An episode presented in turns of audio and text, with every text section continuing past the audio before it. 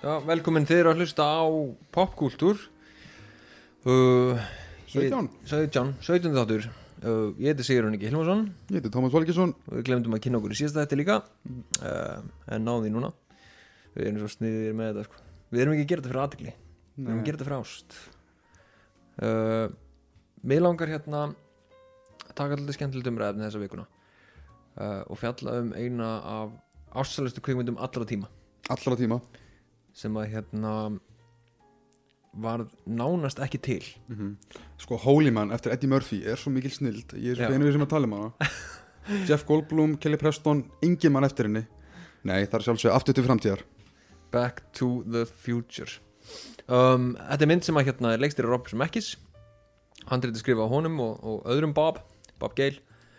Uh, The Bobs. The Bobs.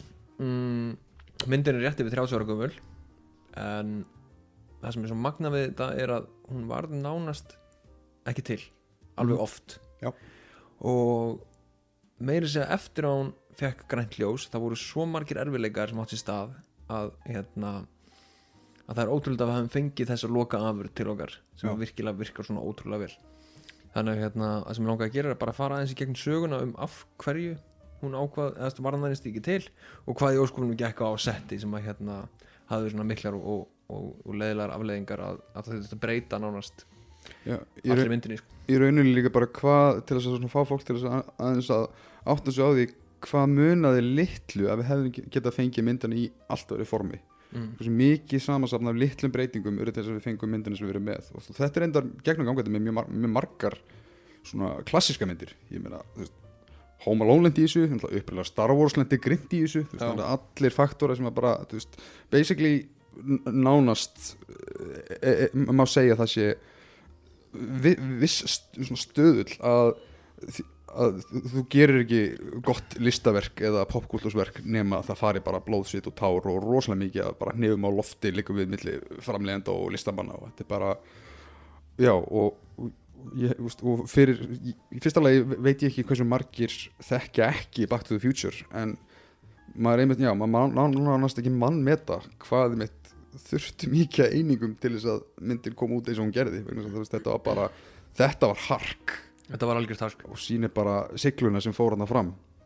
Og það er líka, þú veist, það er erfitt að, að hérna að átta sig á því að það hefði verið svona mikið vandamál þegar þú horfur á myndina að því að hún er svo tætt veist, þetta, þetta er geggjuð mynd frá fyrstu til síðustu myndu veist, hún er gjörsamlega bara þú veist, það er ekki ein sena í þessari mynd sem er tilgangslaus. Nei. og það er allt einhvern veginn bara, allir brandarar hitta og allt hérna gengur upp og hún er kent með þessi í mörgum handelskursum Já, ég um, heim, um heiminn sem bara sem bara proper leið til þess að bara já, bara fyrir já, svo kallega set up payoff reglu. Bara svona, svona stimplar eitthvað inn í söguna, svona kemur svo aftur að því svona eru upplýsingar, svona gerur gott exposition, svona gerur gott dynamík svona, svona bildaru uh, tilfringakjarna og maður skiljaður vel. Og líka bara almennt en, en svo svipað kemur inn á veist, það er svo erfitt að velta fyrir sér hvernig þetta var ekki bara out of the gate eins og hún er, bara, þú sér fyrir bara eitthvað þessa bobs. Bara, heyrðu, ég er með fullkona, hugmynd og ég sé fyrir mér Michael J. Fox og, og þetta að vera svona tónlistin verður svolítið svona. Veist, bara, þetta er, myndi virkar svo áreinslulegust þegar við horfum á hana, bara, wow, þeim tókst þetta. En þetta var ekki áreinslulegust En eins og það er leiksturinn er Robert Zemeckis uh, þú veist, hann er með Forrest Gump, Castaway Back to the Future. Mm. uh, hann er sannlega eitt áhugaverðast dæmi um, um einn af þessum svona uppröðlegu Spielberg börnum, svona, svona 80s og tours sem hefur farið rosalega versnandi eftir aldamótin. Já, en ég held líka að þetta er leikstjóri sem að margir átta sig ekki á hversu mörgum hversu marga frábæra myndir hann hefur gert af því að nafnið hans er, gleimanlegt þetta er, þetta er Robert Zemeckis. Þetta er ekki, og sérstaklega því að flesta myndinar sem hann hefur gert eru tengdar við Spielberg. Já, og það er svo marga myndir sem að fólk hugsa sem Spielberg mynd Já. eins og ég get, að það er öruglega eins og Back to the Future. Tengja öruglega margir þá mynd frekar við Spielberg heldur en Robert Zemeckis. Alveg, trúlega já. af því að hann er ekki, hann er ekki svona mikið þú veist, rosa stór stjarna eins og, þú veist, Spielberg hefur verið. Og nafni hans er notað miklu meira sem auðlýsinga hérna efni fyrir þær kvikmyndir heldur en nokkuð tímann Robert sem ekki sjálfur sko. Ég verður að skjóta inn, þá veitna, hvað myndir þú giska að svona hinn almenni borgari geti talið marga leikstjóra? Og ég hef oft velti fyrir á hverjir kemur til greina veist, það, er, það sem ég myndi giska á væri það er Spielberg mögulega James Cameron og ég held að Titanic hafi meira hjálpað þar heldur en nokkuð af því sem hann gerði á undan. Sennilega Christopher Nolan. Tarantino. Já, Tarantino er sjálfsögð og þú veist, kannski Scorsese en það er ekki sjálfgefið og ennfremur held ég að sé ekki margir sem fatta að sem ekki sér maðurinn sem að, já, gaf okkur ekki bara veist, Back to the Future og lagði allt í það heldur, hann gerði líka hérna æðislegu Who Framed Roger Rabbit. Mér finnst hún bara, ég, ég horfa á hana svona annarkvært ár, mér finnst hún alltaf elda svo vel mér finnst hún bara, hún er svo mikið technical og handrits kraftaverk mm -hmm. í, í, í sinni uppsetningu. Svolítið gera kontakt, jú, eins og hún nefndir Castaway. Finnir hvernig enginn tala samt í rauninu myndina sem hann gerði eftir það nema, veist, oftast í vondu samingi sem ekki, sem hefur verið mjög mikið fyrir uh, tæknibrellu og svona, svona kvikmyndatöfra, orðmað frekar þannig hann er mjög mikið fyrir svona bio-immersion og töfra og hann datt hann í CG grifjuna hann á tímbili þegar hann dældi hann Polar Express og Beowulf og Christmas Carol og Já. var svona að reyna að taka motion captureið lengra heldur en reynir tækni bauð upp á Mm -hmm. svo er einhvern veginn bara karfa hann af radarnum og kannski að einhver leiti eðlilega en, en ég menna það verður alltaf veist, hann er alltaf maðurinn á bakvið og ekki bara fyrsti Back to the Future heldur allar þrjár. Já. og hann var búinn að sanna sig með einni mynd þegar að koma að því. Já, en sko, hann hérna Bob sem ekki svo Bob Gale hittust fyrst svo fyrir maður þessi söguna baka myndina þeir hittust fyrst, þeir voru í ÖSC Film School 1971 og þetta, akkur þetta tímabil er mjög aðtilsverst því á sama tíma eiginlega voru menn eins og hérna George Lucas uh, John Carpenter Coppola Randall Kaiser sem gerir Grease John Milius sem skrifaði Apocalypse Now. Mm. uh, þeir voru allir veist, á þessu tímabili í sama skóla og voru að gera sama hluti sko, og aðeins á undan. Þannig að þú veist hafði margir komið úr þessu skóla og, og orðið ótrúlega flottir. Um, en sem ekki svo geil byrjuðist mjög snemma að skrifa samt saman. Já. og skrifuðu hinn og þessu handrit og hérna voru að fá mjög mikla aðtökli sem ekki sérstaklega fyrir einhverja mynd sem að skrifa sem heit Field of Honor sem Já. var bara stúndamynd Já. um mann sem að hérna eiginlega missir vitið kemur úr, kemur úr stríði, missir vitið með, í samfélaginu og fer svo á shooting spree. Uh, veist, hljóma svona eins og mjög típisk segja eitthvað, þú Meira sér er dag, sko. bara svo djúb eitthvað en hérna, þú veist, hún greinilega var alveg ágætlega góð og um, Jóning maður já, og, og náði aðtegli ákveðins leikstjóra sem að heiti Steven Spielberg sem var nýbúin að gera mynd, þá myndina Jaws. Já, uh, Bobarnir tveir. Ég ætla að kalla það bara það, Bobbarnir. Tveir. Bob sem ekki svo Bob Gale, Bobarnir tveir. Þeir byrjuðu fyrst hérna í showbusiness með því að skrifa sagt, fyrir mjög lélega sjónvastætti sem heitir Kolchak the Night Stalker og Get Christy Love um, einhvers stað þar að byrja. einhvers veginn að byrja. En með þessu þá gaf hérna Universal Studios þeim sem sagt, sjö ára tilbúð Hmm. með 50.000 dólar á ári við að skrifa fyrir sjónvarsefni og þeir tveir báðir á þessum tíma áttu eiginlega engan penning uh, þeir lifðu á McDonalds voru sem betur verið ekki með neina skuldbendingar voru ekki háðir neinum hörðum efnum sögðu þeir. Uh, voru ekki með einhverja leigu sem þeir voru eftir á með eða neitt hannig þú veist, þeir bara gátu svona comfortably lifað sem lowlife. Uh, og hérna ákveða að hafna þessum samling Heyrðu bara, mikið gott að við sem ekki fíkla núna annars er algjörinn skít. Basically, þannig að þeir sögðu neyfi sem samninga því að allir þeirra vinir sem hafði farið út í að skrifa fyrir sjónvarp þeir bara voru ógeðsla betrir, hötuðu lífið og voru allt og mikið í vinninni þetta bara, þeir eru bara pencil pushers það er bara að skrifa, skrifa, skrifa, skrifa, skrifa. Það var líka kannski gott að bæta því inn að það var líka allt annað en fólk þekki sjónvarsmenningu í dag en það var sérstaklega ávast að koma kvikmyndan á mig það þótti svolítið svona svona, svona kassastarfa bónus útgafan af kvikmyndagerð það var Já. bara litið niður á það að þú varst fastur í sjónvarpi. Einmitt. Nákvæmlega, en þeir ákveða að segja bara nei. Einu ástæðan við fórum báðir í kvikmyndaskóla var því að við okkur langar að búti góðar kvikmyndir og koma okkar verkum hérna af stað. Uh, og þeir fengur snögglega tækifæri sitt uh, þegar að Spielberg ákveða að hérna, verða mentorn hans sem ekkis og eins og þú segir, svona réttilega eina, eitt af svona Spielberg börnunum. Já, ég er, ég er að skoða hvernig Amblin fór almennilega af stað. Þá var svona Spielberg kom með völdin sín og var svona í meiri stöðu til að geta Já, ég kem einmitt inn á það á eftir með Amblin stúdíóið. En hérna sem hérna Spielberg sem framleiti fyrsta fyrstu kvikmyndina sem ekki sleikstýri sem að hétir I Wanna Hold Your Hand fyrir Universal.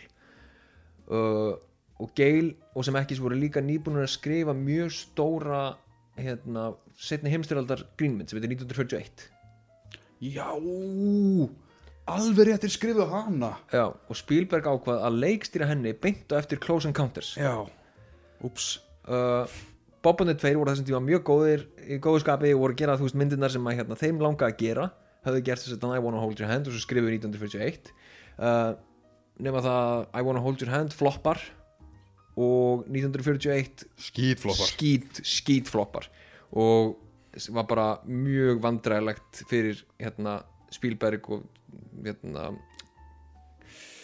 ferillina stók stóra dífu Já, út af þessari mynd. Og það var ekki fyrir hann gerði Raiders of the Lost Ark sem hann skaut sér aftur upp. Já, þannig að hérna Bobarnir tveir voru ekki einmitt að byrja vel og voru eiginlega í bara Boba uh, svona um 1980 þá voru þeir komnir út úr þessu svona þú veist ok við gerðum tvö slis uh, samt þú veist myndir sem að við erum stoltir afskilur við skrifum þetta, við gerðum þetta, fuck it. Þá gerðu þeir myndina hérna Used Cars. Já. Bara, ég hef ekki séð þessa mynd en hún er vist svona á þeim tíma svona, maður að segja, svona klikkuð grínmynd. Já, uh, og Spielberg framleitana og hún ég veit ekki hvort þú veit þetta en hún náði næst hæstu testskor sem að Universal hefði nokkuð tíman séð þegar þeir testuðu myndina. Hmm. þannig að það, það, hún, hún sprakk allan skala. Fólk elskaði hana. Já. En svo kom hún út og enginn sá hana.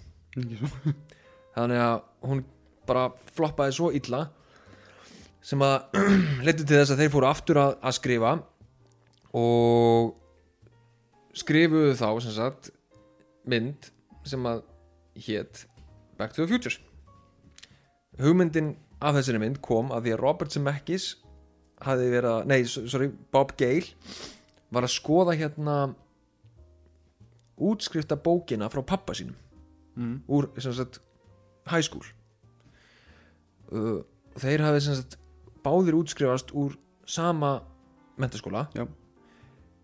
Og pappans var forseti einhver svona, svona president class dæmi. Veist, hann var svona í svona mentaskóla pólitíkinni. Mhm. og hann hugsaði hefði ég verið vinur pappa míns ef ég hefði verið í mentaskóla á sama tíma og hann? Af því að ég var ekki svona political ég var meira bara svona, þú veist vera með mínum hóp og vildi ekkert, þú veist, ég var ekkert eitthvað svona að vera frægur og skemmtilegur skilur uh, þannig að var hefði pappi minn og ég einhvern veginn náða að tengja saman. Og þá spratti mitt upp hugmyndin fyrir Back to the Future. Maður sem að fyrir aftur í tíman hittir fólður sína og hvað gerist? Nema hvað sem ekki svo geil byrja að skrifa handritið og pitchaði svo til Columbia Pictures sem þú voru nýbúin að gefa út Used Cars fyrir Já. sem Columbia elskaði en náttúrulega meikaði basically engan pening. Uh, þannig að stúdíóhettin Frank Price sagði að hann myndi vilja gera hvað sem er sem að þeir myndu hérna skrifa næst. Bara ok, við tökum þetta á okkur að Used Cars hún gekk ekki upp, við töfum pening á henni en þig tveir, þið getið skrifað eitthvað gott. Það magna hvernig þetta er samt einhvern veginn ekki byggt upp þann standard sem hefur alltaf verið þetta, þetta vandræðilega testferli sem að stúdíó ger alltaf og hvað það er í rauninu áruguslust einmitt, nákvæmlega, second, bara næst hæsta testskor sem að sérst hefur myndin floppar. Já, og, og hef, þver auga hefur ógæsla oft gerst líka sem þú veist þetta bara já, þú veist, þú getur ekki bara einhvern veginn handpikkað bara einhver og einhver áhörvendur oftast er þetta skilur klísjan er svo þegar oftast er bara svona með fólki í einhverjum er það, er það að horfa á bíó og þú veist ekkert hvað það fara að horfa á. Og þau eiga að einhvern veginn representa pöpulinn og þetta hefur grandað svona mörgum kvikmyndum. Bara því að heyrðu þetta, þessi 50 mann sem síndu myndina, þau hötuðu hana. Og svo er þetta kannski, þú veist, gæðastöf í vinslu þetta en hvar kemur svo uh, romansingni Stone inn í þetta? hvað kemur hvað? Nei, uh, sem sagt, eftir Just Cars gerir Robert Zemeckis þarna 84 langar mér að gíska þá er Romancing the Stone þá fekk hann sem sagt uh, að leikstýra aftur Mm. uh, Robert Zemeckis og sá sem gefur honum stóra breykið sem ég vænti þess að hafi síðan á endanum leitti þess að hann hefði fengið strax meiri trúveruleika til þess að geta að fengið að leikstýra Back to the Future það er hérna Michael Douglas sem að kjarga honum. Já, hún, ég kem inn á þá eftir. Ok. uh, með, hérna, með Michael Douglas. Um, að því að sko myndin alltaf fer ekki í framleiðslu strax þegar þeir klára, eða, þeir hitta, ég eins og ég sagði þeir hitta Universal. Mhm. uh, hann hérna, stúdíóhettin Frank segir veist, bara ég til í allt, bara do it. Um, þeir byrja honum. Bara þú veist, hei, við erum þess að hugmynd um gæja sem að fyrir aftur í framtíðina uh, og hitti fóruldar sína og byrjar að klúðra skilur því að, að hann verði til og hann þarf að berjast í tíman um að ná sjálfum sér aftur hérna tilbaka svo hann verði actually fættur svo hann er basically að drepa sjálfum sig. Og sem ekki að meðan þeir eru á fundinum að segja frá öllu þá svona gefur hann olmbóðskot í, hérna, í síðuna og svona þeyðu við skulum ekki segja alla hugmyndina okkar af því að hans takar bara hugmyndina og gera hana án okkar. Þannig að þú veist slaka á. Af því að þeir voru ekki komið handrit þarna.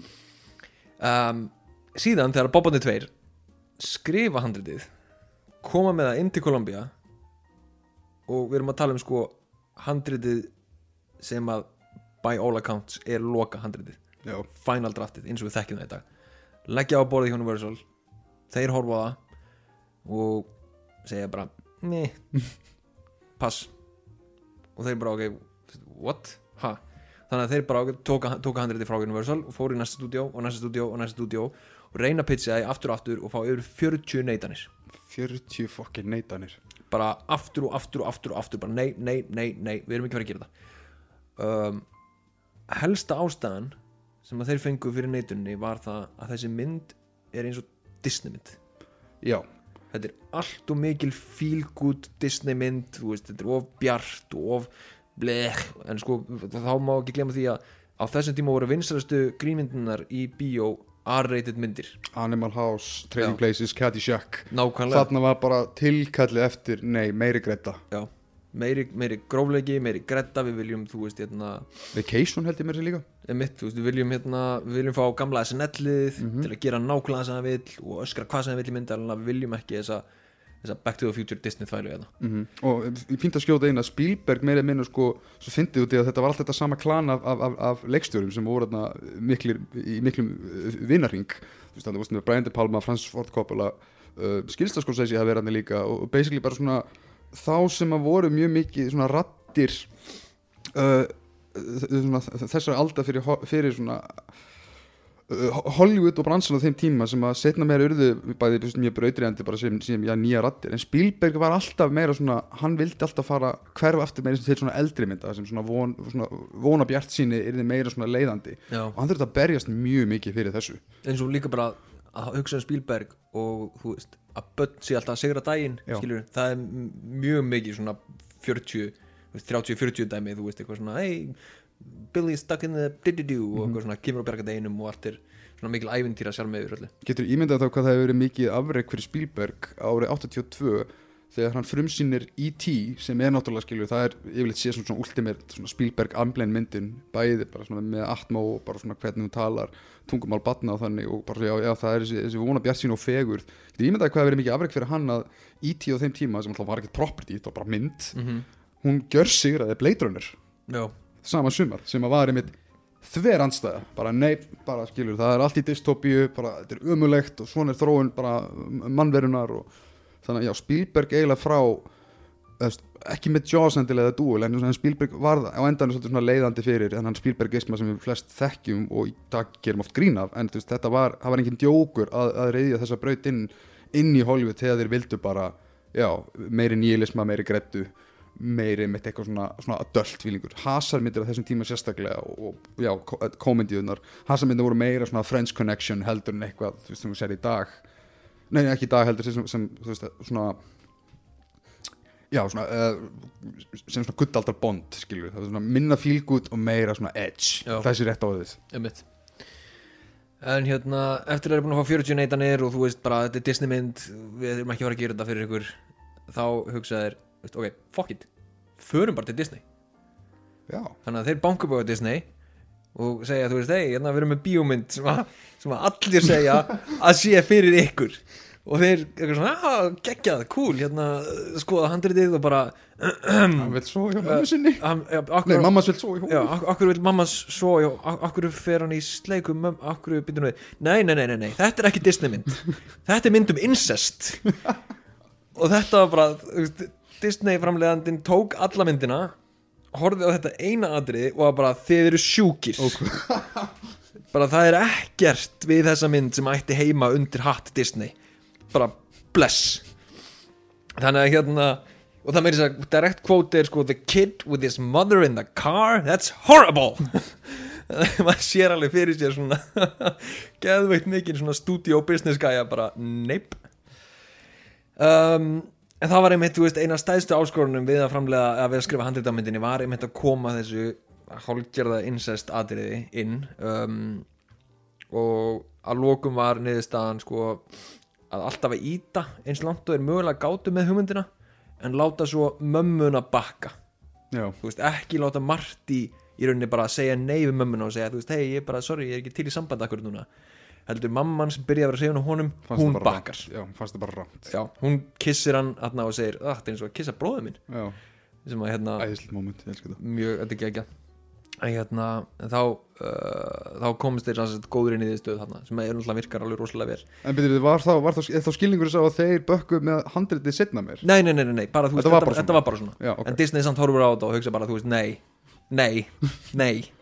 Bara það gefa í skýn fannst þeim og ofriski Já uh, Annað sem að hérna þeir heyrðu líka í stæðan fyrir að þetta væri bara Disney mynd er að það mun enginn kaupa sig inn á tímaflagsmynd mm -hmm. það er bara ekki sens, hún er aldrei að fara að meika penning sem ég fyndi, ég vil líka skjóta því þetta er eitthvað sem er alltaf að koma upp í, í, þegar maður lesi til um kveikmyndasöguna að myndir sem eru risa hittarar sem var, sem var bara mikil segla að, að vaða í og eiginlega bara berjast fyrir það kom oft svo mikið þetta og þetta er sem ég þóldi ekki við stúdíomentality sem er, nei við gerum það eina mynd sem er sverð og sandalamynd og ergo því það að allir vilja ekki sverð og sandalamyndir. Já, í, til, til, til bara í langan tíma þá var þetta þetta hefur komið upp með ofriðjumyndir mm Mhm. þegar þær fóru í, í dekkri tímalínuna eftir Batman og Robin og stíl og svona myndir skilur nákvæmlega. nei, fólk vill ekki ofriðjumyndir, þetta er of silly.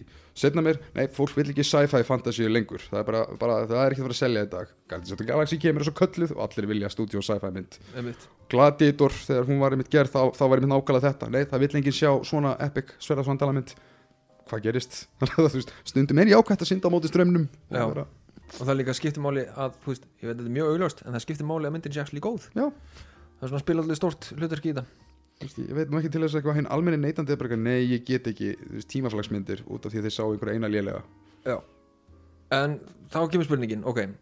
Bobarnir tveir eru góðu vinni Spielbergs. Spielberg er hérna búin að gera Jaws og hann er búin að gera hérna Raiders of the Lost Ark og veist, hann er, er geggja nafn, stórt nafn. Af hverju, af hverju framleiðir hann ekki bara myndina af því að Zemeckis hinga til hefur bara gert myndir með Spielberg. Já. og hann segir við við hérna Steppa Spilaborg vinn sinn uh, ég vil ekki gera þessa mynd með þér akkurat núna af því að ef hún klikkar eins og hinna myndirnar sem við hefum gert þá verði ég bara basically málaður sem gæinn sem fær bara störf af því að þú gafst mér starfið. Og eiginlega verra að þú veist, þá verður hann gæði sem klikkaði eiginlega í annarskipti með Spielberg. Nákvæmlega þannig að þú veist ég get ekki, ég get ekki fest mig við þig og, og fengið ekkert sjálfur hérna, ekkert reputation. En þá er mitt eins og sagði hann Romancing the Stone. Þá kemur inn þessi mynd Used Cars að Michael Douglas sem var geggjar aðdándi mm. hann sá myndina einn að fáum og hugsaði ég vil fá þennan mann til að leikstýra mér. Ég vil fá orkuna hans og ég vil fá handrit frá honum og ég vil fá mynd sem að veist, og ég vil leiki henni. Mm. Og þá var mitt, af því að Michael Douglas á þessum tíma hann var rosa mikið star power að þá kom þessi mynd Romancing the Stone sem að ég, ég hef ekki séð þessa mynd. Ég sé hana, hún er, hún er mjög skemmtileg. Já, er, þetta er grínmynd gerir fyrir? Eh, þetta er svona, hvað maður segir Uncharted fyrir Uncharted, svona í, í líkingu við svona með svona Indiana Jones töfrum líka og, Já, ok, og mjög svona old school. Ég, já, allan, allan í minningunni. Ég, mann hefði mjög gaman sem, sem slíku og hún ruttið mitt svolítið ég er nokkuð vissum að hún hefði verið svolítið svona aflegin greiðis of the Lost Ark. Bara við viljum svolítið svona. Já, já, bara já. kannski aðeins öðru sér svona meira klassískari stíl. Já. En hérna, hún kemur út uh, og þá hugsa sem ekki sem að sér, ok, þú veist ég er búin að gera mynd á þess að Spielberg hjálpaði mér uh, veist, ég kom með nafnum mitt á okkar hérna. Ok, Steppi, Spilaborg félagi minn, góðu vinnu minn ef við ekki bara að gera það? Uh, þá er hérna þá er Spielberg nýbúin að gefa út E.T. Já. og er basically orðið nýja Disney með nýja stúdíónu sínu hérna Amblin. Amblin Mhm. og Spielberg segir við hann bara, jú, frábært byrjum þetta, þetta er geggjað, handritið er tætt þú veist, það er allt snild við þetta, setjum þetta upp á hérna, á amblin og sem ekki segir sjálfur sko að handritið er frá fyrsta degi nánast fullkomið veist, hann viðkennir sjálfur og bara sá það strax að, veist, það er, tilbúið. Já, eða, nei, bara veist eins og að segja á hann, veist, hann segir sjálfur sem ekki það er allt sett upp, Já. það fær allt payoff allt dialog, allt beat, allt klift allt skiptir máli í þessari mynd. Það er Já. ekki ein sekunda í þessari mynd sem skiptir ekki máli. Já. og myndin snýst um tíma en við, að hann sög, erum að berjast við tíma. Af því að við getum ekki bætt við, við getum ekki tekið frá. Af því að þetta er nákvæmlega svona á þetta að vera og það er líka bara að horfa á hana þú veist, þetta er einn skemmtilegsta mynd sem þú getur séð mm. hún er bara, hún er bara þetta er bara eins og best, þú veist, geggja trommusólu Jöp. bara hvert einasta bara tú, tú, tú, allt passar upp uh, en svo hérna kemur það ah, afsakið að sem ekki ákvaða leikstýra myndinni og gerði það hérna á þann máta að hann vildi nota sem minnst af að teknibrellum Mhm. uh, myndin átti að vera hérna hún átti aldrei að vera þannig að veist myndin er að stoppa til að segja bara svona veist sjáðu þetta. Veist aldrei neitt svona way sem að svo fyndið það því að svo gera hann Beowulf, Polar Já, Express hugsa og hérna Christmas Carol sem er einmitt bara stórt svona hei sjáðu þetta. Sjáu dótið mitt. Veist- þessa brellur. Þú veist, þvílíkt 180 dæmi sko. Mhm. um, en þess vegna hérna ákveður að taka ótrúlegan bíl sem að heitir The DeLorean. Um, fyrst var það þannig að hérna Ískápur eða eitthvað. Já sko það var svona tíma chamber uh, sem var ofan á pick-up truck.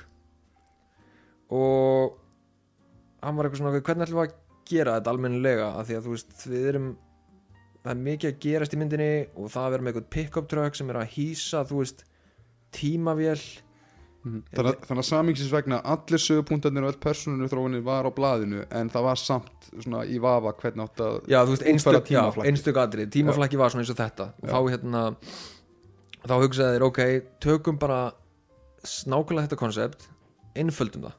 Þannig að tímavélin er bílinn Já. Þú veist, þannig að þeir breytti ekkert vola miklu en þetta hjálpaði framlýslu ferlinu sjálfu og breytti samstundu vilja bara öllu. Já, eiginlega sko. Sko. Af því að þeir ákveðu þá að taka hérna bíl sem að allir þekka í dag sem er The DeLorean. Uh, á þeim tíma Ég, ég held með þess að flestir í dag myndi hugsa að þetta er Future bílinn Já. á þeim tíma var þetta bara skilur þetta er svona pimp bílinn svona, þetta svona bíl framtíðarinnar Já, af því að sko þeir gerðu þetta af því að þeim fannst þetta svo fyndið.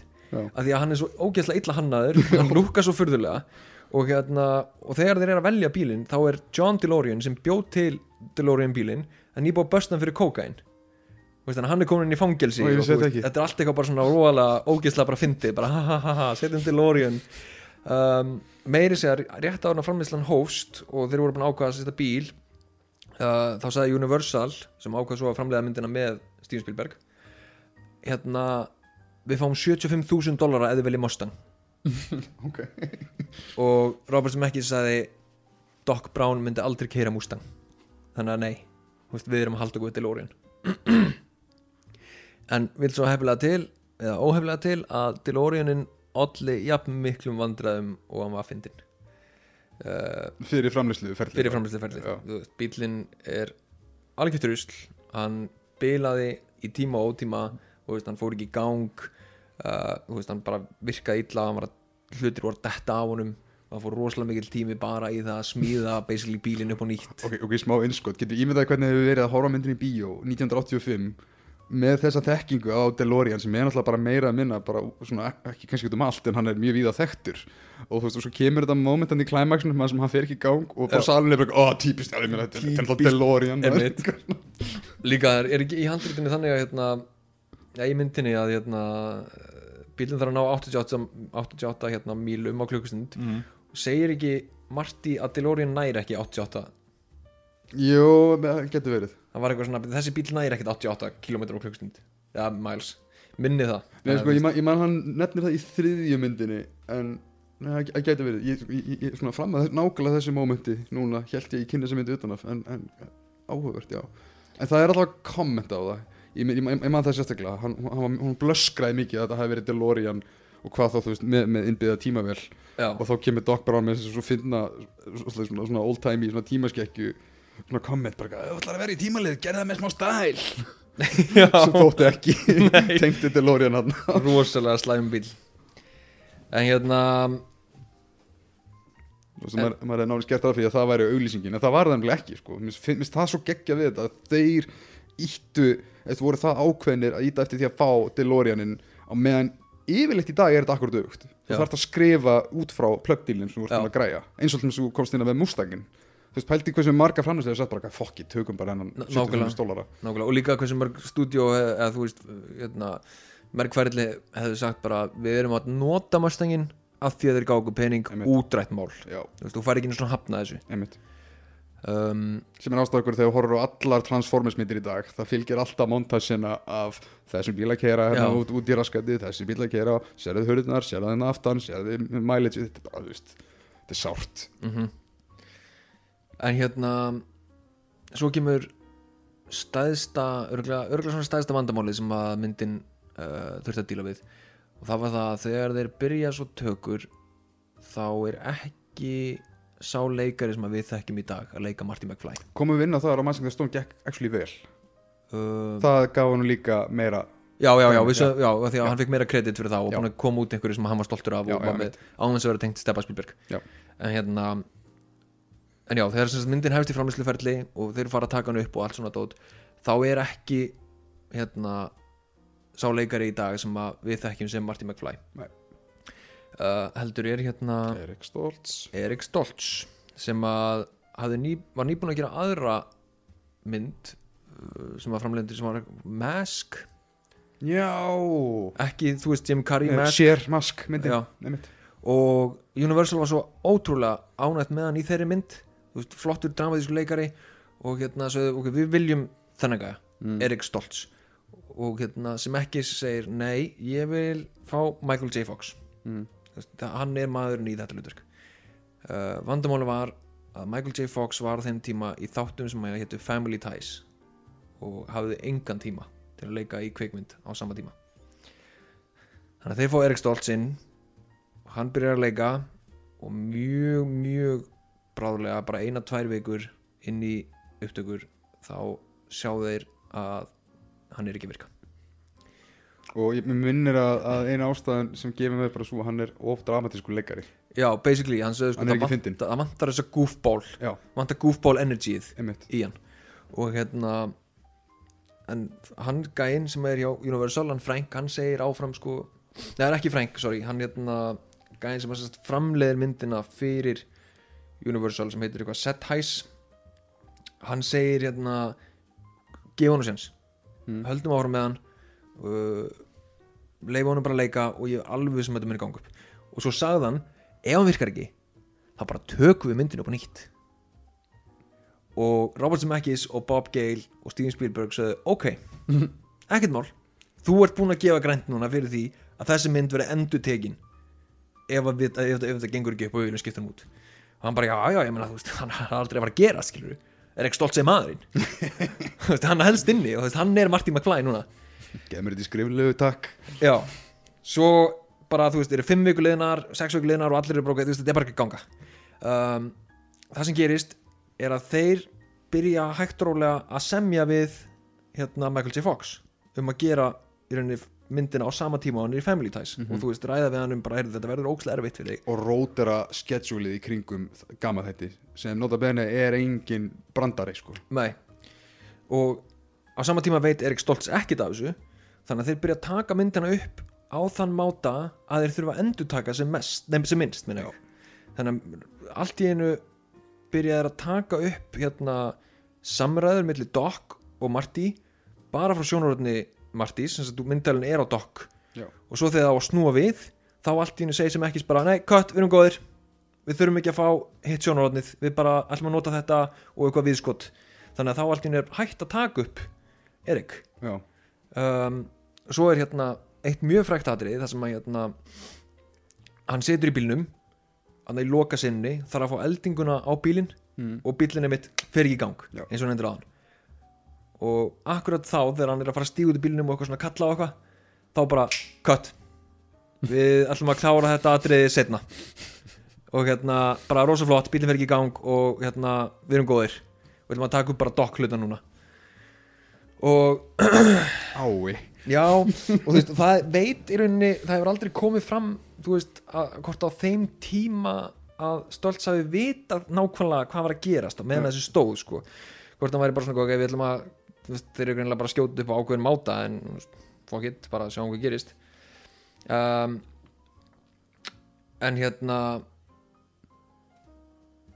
það var vist mjög, mjög, mjög erfitt fyrir þá að reka Stoltz uh, bara upp á því að hann var líka svo mikið að lifa sig inn í þetta. Þú veist, hann var bara ekki rétti gæinn, skilur þú veist, hann var ekki að vera slæmur eða leðilögu neitt, þú veist, hann var gæða til í þessa mynd en þeir þurftu bara að segja hann, heyrðu, þú veist, sorry þetta gengur ekki upp, þú veist, frábær gæi og allt það. En þú veist, hann fekk líka, líka severance pay og svona dót.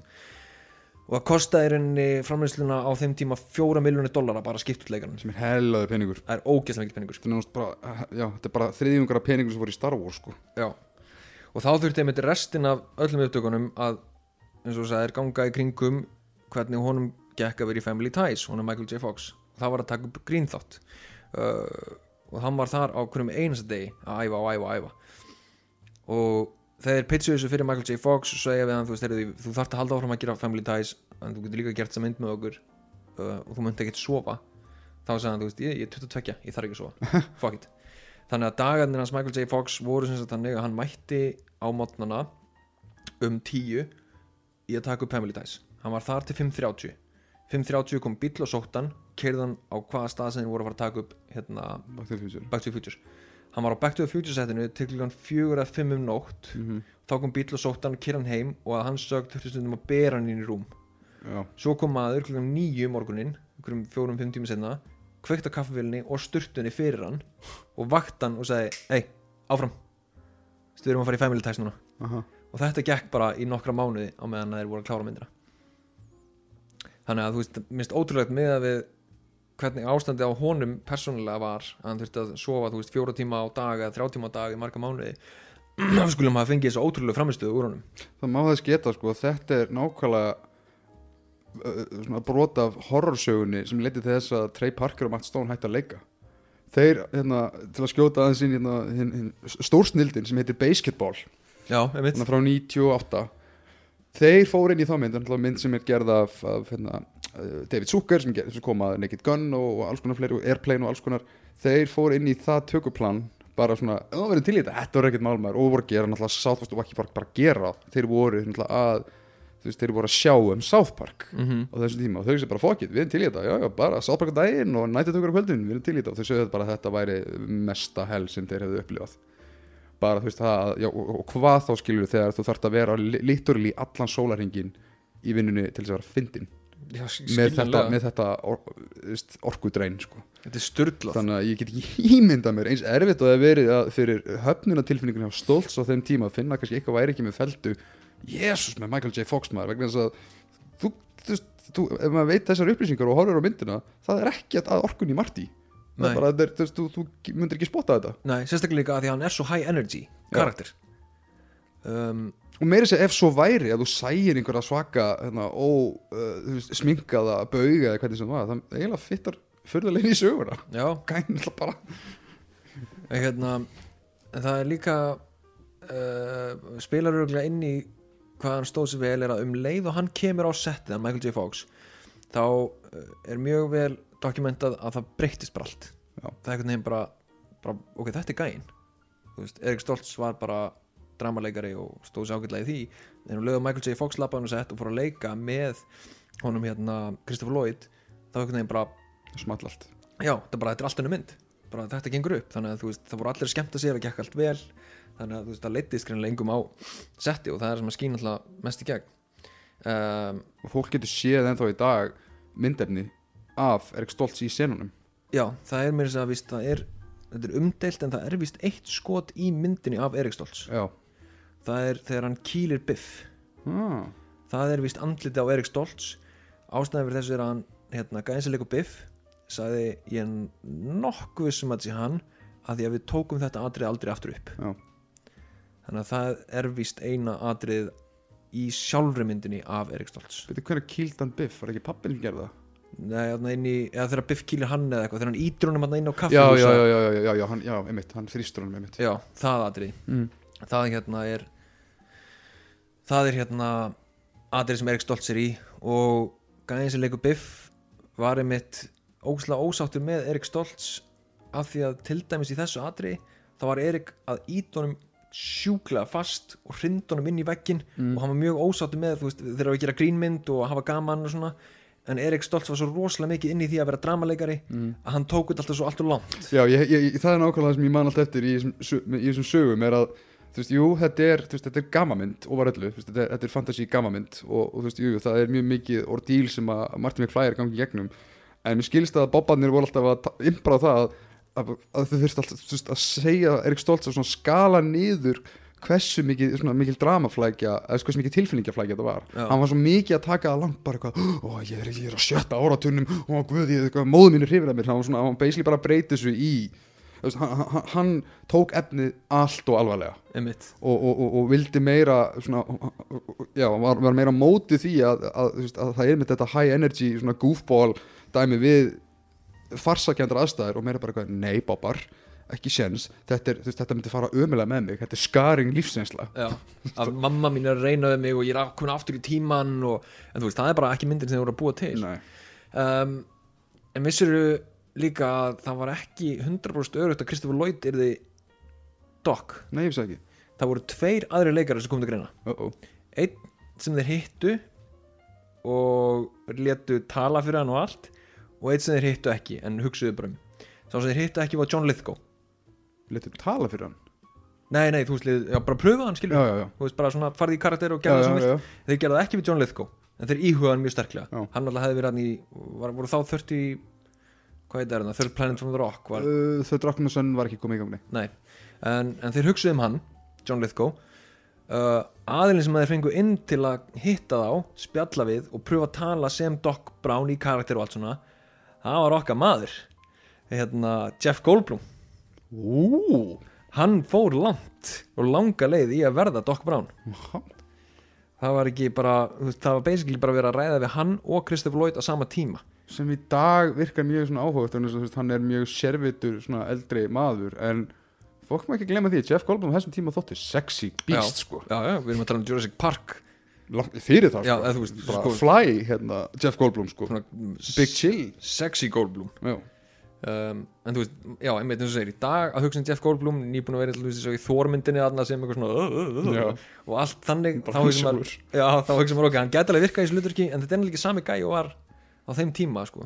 nei, en hérna, Christopher Lloyd að lokum fekk hluturkið, hann átti náttúrulega stórt hluturkið í að skapa personuna eins og hvíta hárið, það var hugmyndin hans Christopher Lloyds og annað slíkt mér, mér finnst það mynd alltaf svo magna með Kristoffer Lloyd í þeirri mynd að ég fullkomlega kaupi það. Sko fyrir það að þessi maður í langan tíma var fyrir mig bara að hann eldist aldrei.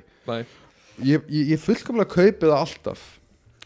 Hve- hvenær, þú veist, Doc Brown er í, þú veist, þú, þú, þú hvernig hann dis, gerir distinction á milli fortíðarútgáfunar og svo útgáfunar sem er í, veist, eh, nútíma Marty. Þú veist, það er bara, það, það er ekki það er ekki, ekki umræðefni þú, þú fær bara þá tilfinningu að, þú veist, hann- gæinn lítur því réttigli eins út hann bara beitir sér þannig að þú bara, þetta er, þetta er yngri já, og mér finnst það ótrúlegt talent af gæðinum að gera. Og velti mér fyrir mig hvernig Jeff Goldblum hefði púlað það að vera bara undir mikill förðun en e, e, e, já, Þetta er, já, ég, hef, ég væri til að sjá sko, að þeir hefði tekið upp ykkur tíman Goldblum, svona casting dæmi sem Doc Brown, það væri mjög gaman að sjá það.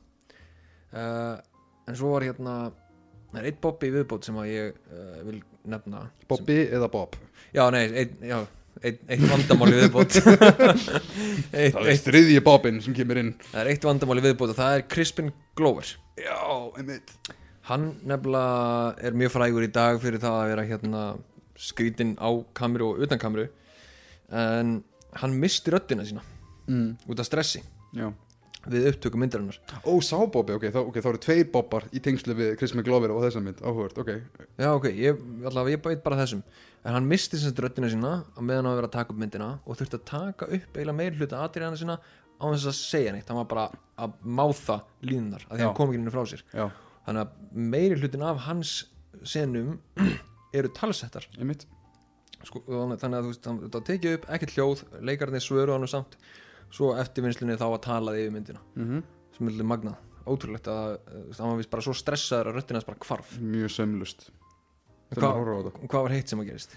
Sko hitt sem gerist manni var að og, og hann hefur verið mjög ummitt opinskár með þetta en hann var bara hugmyndafræðilega móti endinum á myndinni og hefur verið mjög duglegur að tjá sig um það. Að honu fannst svo hann basically tólkaði myndina sem kapitalista áróður og einhvern veginn svona að því leitum til að hún fannst eitthvað svo iffi og í rauninni tragíst að þú veist glaði endurinn fyrir Marti undir lókmyndarinnar og ég vænti þess að flesti þekki til þar sem að Marti náttúrulega vaknar eftir að hafa breytt í rauninni fórt í fólöldu sinna og hann er komin allt í hennu þau eru í sama húsi en veist, það er áberandi pappanum gengur betur, það er meiri peningur og bróðurinn er komin úr skyndibita vinnu yfir í hvað bara, bara and tie skilur og, og hérna, þú veist, Marti fær hérna, drauma bílinn til þess að heilla gælunum sem sem hann er hrifin af og í rauninni Crispin Glover reifst mjög mikið við uh, bobba, bobbana vegna þess að hún fannst þetta bara senda vond skilabóð já, já, og sérst,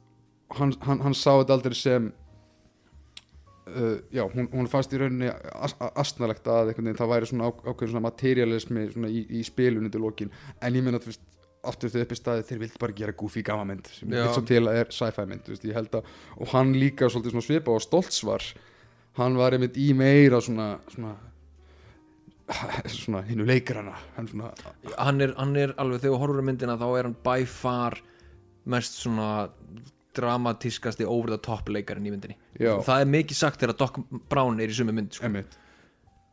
Og veist, líka með það hérna, hann, sérst, en þetta leiti til þess akkurat að hann var bara fundamentally á móti þessari stefnu í endurum, hann vildi einhvern veginn hafa meira þú veist, ekki, Ástin Sigur á, lokum svona skiljislaust en hann, vildi meira, heldur bara súptekst hann held að hann væri kannski gera meira high art. Og það fyndi líka sko en gott hvernig það faktorast inn í framhjöstöðuna sem hérna George McFly. Og því að George McFly er rosalega svona, hann er rosalega weird karakter Mjög weird karakter. og, hérna, en Chris McGlover bara flatt út hafnaði því að leika svo í, í framhaldsmyndunum. Eða vildi ekki hérna, vera með þegar þeir setna mér gerðu svo Back to the Future 2 og 3 Hmm.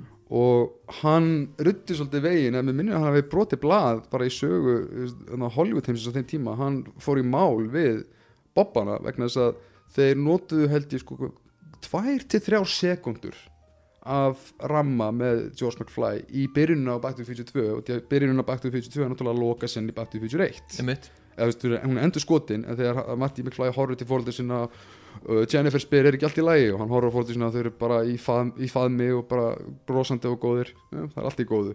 Og þau notur náttúrulega skotið af honum. En svo var hann náttúrulega ríkastaður en hann fekk svo, það var, já, Crispin Glover vann það mál já því að vera að nota hans, að- hans leifi og, og settinu fordæmi fyrir það að það þyrfti að vera miklu sterkari klásur fyrir, þú veist, þú getur ekki bara þó að stúdíói eigi myndina og eigi kannski ramma og stúdíó hugsar, heyrðu, mér, þetta er okkar mynd þetta er okkar peningur, við mögum alveg nota ramma og hérna okkar mynd til þess að setja inn í hérna, ram, fyrir framhaldsmyndina, sérstaklega í sama samíki en nei, þetta, þetta setti það er algjörlega á hliðina sko. þannig að og Chris McClover er ekki mikill aðdándi to the Future nýja velgengninar og hann telur það í rauninu vera svona sorglegan hlut að myndin sé þetta elskuð. Mér finnst það, það að segja meira bara um hvernig hann er. Hann er mjög výrt gæi sko. Hefur náttúrulega gefið sér orðspór fyrir það. Um, en eitt af mínum uppáhalds uh, svona staðrindamálum að baka tjöldin en nokkur af mínum uppáhalds eru hérna uh, svipað við, við komum inn og var að testa myndir fyrir áhörundur já, myndin var alltaf testuð og gekk fínt svo best mér veit en ég man að, ég held að vera Spielberg. Með minnir og heimildina mína fyrir þessu eru geðveikt commentary track eða track sem eru á endurútgánu fyrir Back to the Future sem er í rauninni, þetta er commentary í formi Q&A það er bara, það, það er bara veist, uh, verið að spurja Bobban út í hitt og þetta og þetta er ekkit í nánum tengslu við hvað sem er að gera svo skjána þetta er mjög gott stöf og ég man að þegar myndi var svona tiltöla á loka metrónum að Spielberg sagði ok, þetta er bara, þetta er alltaf, þetta er alltaf, virka, ég er svolítið hrifin að þessu. Það sem þessi mynd þarf núna er í rauninni John Williams soundtrack. Mm. ég vil fá svona larger than life grand tónlist undir þessa mynd. Mhm, og svo náttúrulega töluðum við Al- Alla Sil- Silvestri sem gerir náttúrulega bara í, fyrsta lagi þetta er indislega tónlist sem enginn allan þrýleikin ég elska Alla Silvestri tónlistina í þessum myndum. Og fátt meira sem fær maður til að vilja bara þú veist, botna bensíngjöfuna sko ef þú- heyrir þetta. Svo ógeðslega svona hopeful en ævintýragjörn og flott tónlist svo þegar það var búið að skora allar myndina með Silvestri þá sínaði þeir Spielbergana og hann var bara eitthvað já, nákvæmlega svona, heyrðu, töluðu við John? Nei, þetta er alveg Silvestri. Ha, eitthvað svona. En hann, já, hann var allavega mjög sjokkaður manni, fyrir, fyrir hvernig það kom. Og það var líka sko sem ekki pitchiði vist til Silvestri hann vildi skor sem að væri þannig að það væru nokkrar nótur bara í byrjun sem að myndu einkenna og verða eftirminnilegar mm -hmm. bara myndin sjálfi, þú veist bara þú heyrir þessi nótur Back to the Future. Þetta er Back to the Future lægið já, Vist, alltaf fá að myndir gerði í dag. Svona, þetta er lægið, þetta er, þetta, er, þetta er skorið fyrir myndina. Meina, sem svona líka myndir í dag hræðast þess mjög mikið að- að endurnota ákveðin skor. Náttúrulega bara, þú veist náttúrulega eins og einnkjöndi sérstaklega eitthismyndir þegar Indiana Jones lagi kikkar inn, þetta er Indiana Jones lagi það býtir feeling, það er ástæðan hverju ég alltaf svona spennist pínu upp, það kemur loksist Mission Impossible myndina, leifa sér að nota og, en sko, svo er hann hinn staðrendin er líka svo að þeir náttúrulega, já, Bobanir gerðu þetta handrit og þetta fyrir þeim var bara þetta er sagan, þetta er myndin. Og myndin verður náttúrulega bara gífurlega vinsæl réttilega svo. Og hún slær bara e, e, sko, smá insightina hún slær út Rambo, Rocky 4 Breakfast Club og The Goonies þetta sumar. jöp. þetta eru þær myndir sem kom út sama sumar og hún slær þar allar út. Var gúnið samt líka, vá, magna en já, og en svo í kjölfara því, það er náttúrulega þú veist, þeir hugsa, ok, við erum alveg til að gera meiri myndir. En Bobarnir tveir, þarna Gail og sem ekkist þeir horfum svolítið ákvöld annan og bara við, það var aldrei planað að gera aðra mynd. Nei. og endurinn að Back to the Future 1 átti alltaf að vera djókur. Þetta átti í rauninu bara að vera bara svona hálfgjörðu skets bara hversu fyndið er það að Doc Brown kemur hann að sækinn í lókin bara hei við erum að fara í ævintýri og hérna, ok við erum að fara beint í framtíðinu og bílinn þeim fannst að vera bara æst fyndið að Já. bílinn fara á flug hann undir lókin DeLorean bílinn sjálfur. Og þeir voru, úst, og ég, mér skilst að þeir hafa verið í mikill tilvistakreppi með það, ég var að gera aðra mynd, ég meina, er það ekki bara svolítið svona fúls erend, hvað, hvað er málið? Og þeir, þeir vissu að þeir þurfti alltaf að feysa þetta vandamál sem er, við verðum að hefja greinlega næstu mynd á just, extreme framtíðarsýn mm -hmm. þannig að mér finnst það svo að ef að horfur á þrýleikin í dag, mér finnst það frekar mér finnst það rúla svo skemmtilega og vel. Já, hann gerir það sko. En svona í samingi mála, já, þetta átti bara að vera þetta bara að vera svona hálfgjör troll bara eitthvað svona, að hvað sem fyndið væri þetta? Sem, sem sem eiginlega bara var mjög leiðandi fyrir þrýleikin og ég er ánægð með Boban ennþá í dag með það að vera það taktfastir í sinni hugsun að þeir vilja aldrei sjá fjóruðu myndina. Í, í samtíma heimi og menningar heimi það sem að það er bara, þú veist, það er hver einasti pittur svona 80s, 90s nostalgíu bara tekin í gegn. Veist, að fyndi að fara í gegnum bara gömlega franchisin og, og trúð mér, það hefur mér sem verið reynd með Goonies. Mm það hefur ekki, ekki orðað veruleika en það kemur alltaf niður að því veist, bara með hverri hérna, Jurassic World sem við sjáum með enn einum nýjum Rambo hvað sem er tekið frá eitthvað sem við þekktum þeir eru bara nei það snertir enginn þessar myndir svo lengi sem við lifum. Þannig ég velti fyrir mér hvort þeim leið og báði bábannir eru dánir þá mun Hollywood púla svolítið það sem þeir hérna, gera eins og eins og þeir eru rétt að fara að missa réttindin á Fantastic Four. Nýja mynd. Já, svít, við erum konum með eitthvað svona, og, og ástæðan fannst mér líka vera svo indisleg, gott að, að bæta því aðeins við í lokin. Og sem ekki sagði bara einfallega þegar út af hann er alltaf spurður, hei, hvernig fáum meira, hvernig fáum meira? Hvar er, er næsti kapli sögunar og ég meiri þess að held ég sagt það í þessum þætti bara, hann segir, fjórir er svo leiðileg tala. Ég vil hafa myndina þrjár. Já, það er, þetta er þryggja ekta struktúr. Þetta er bara, já, 1, 2, 3 heilaðþræningin búið klappa og klárt Já. og það er einmitt líka sko um, ég held að fjórðamyndin sérstaklega með þessari seríu myndi ekki virka að því að líka það sem að Back to the Future finnst mér og Indiana Jones segja sameiginlegt er að fyrsta myndin er með ákveðin strúttur önnu myndin tekur 180 gráðu beigju mm -hmm. fyrir miklu meira dystopíun og, og eru almennt sko einhvern veginn svona í meðal svona, svona samfélagsleiri vitund síðri já, að margra mati sem mér finnst eila ekki rétt, mér finnst Back to Future 2 og Temple of Doom ég sammála. geggjaðar. Ég sammála, ég skil, já, ég skil viðlíkinguna svo kemur það þriðið mynd og hún er basically bara endur gera og, fyrst já, og hún er basically bara endur gera fyrstu myndinni. Já, Þa, það, ná, þessa, þessa tvær seríur sem Spielberg hefur snert fitta þennan kapla fyrsta myndin er bara original og geggjuð.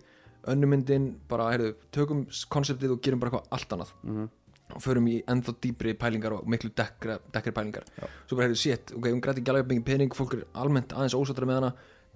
Við skulum endur gera bara fyrstu myndina nánast. Já, og, og einhverju leiti á líka þetta við um Jurassic Park myndunar og ekki Jurassic World, þetta er en að það var til. Það sem að Spielberg gerir Jurassic Park fólk elskar hana skiljalega, eðlilega.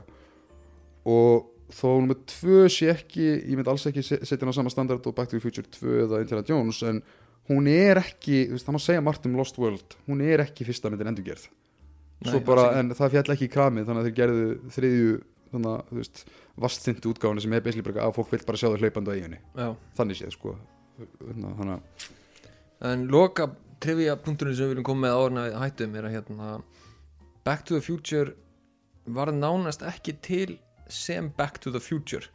Heldur stúdíóið vildi annan titil á myndina í meiri framleyslu þar að segja Já, þeir sögðu, ok, er, ok, þetta lukkar allt vola vel, sögðu þeir, en hérna, það er enginn að fara að kaupa sig inn á mynd sem heitir Back to the Future. Þessi titill meikar ekki sens, ég skil hann ekki, um, ég er með geggja hugmynd að titli og ég, finnst þetta að nota hana.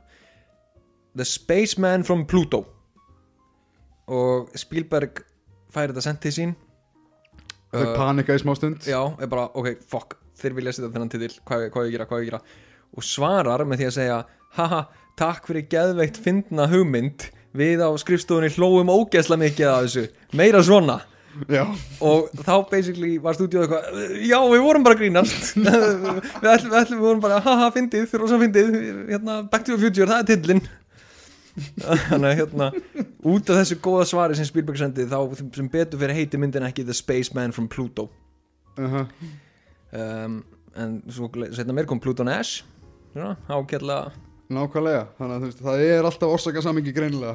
Og sem, með, hérna, sem ekki framleiti sjálfur Mars Needs Moms Já, sem er eitthvað tölutekni mynd sem að skýðfloppaði fyrir Disney. Og leiti til þess að Disney sagði bara nú og út í hið endalega nei, myndir sem að innihalda Mars í titlinum þær eru, þær munu floppa. Já, bara, eru gal, galið ég hati þetta. En hérna, vonandi hafðu við gaman að þessu og vitið aðeins meira um Back to the Future sem að nánast var ekki til. Um, við minnum á að það er hægt að subscriba að podcast okkar saman hverja hlustið þá fáðu tilkynningu þegar nýtt þáttu kemur út. Ef þið eru í góðu skapi og hafa gaman að þessu þá endilega skellið fimm stjörnum. Og hérna tökum vel á móti öllum aðtöðsendum ábendingum eða hugmyndum um þætti sem þið viljið senda á okkur. Bara go crazy, go wild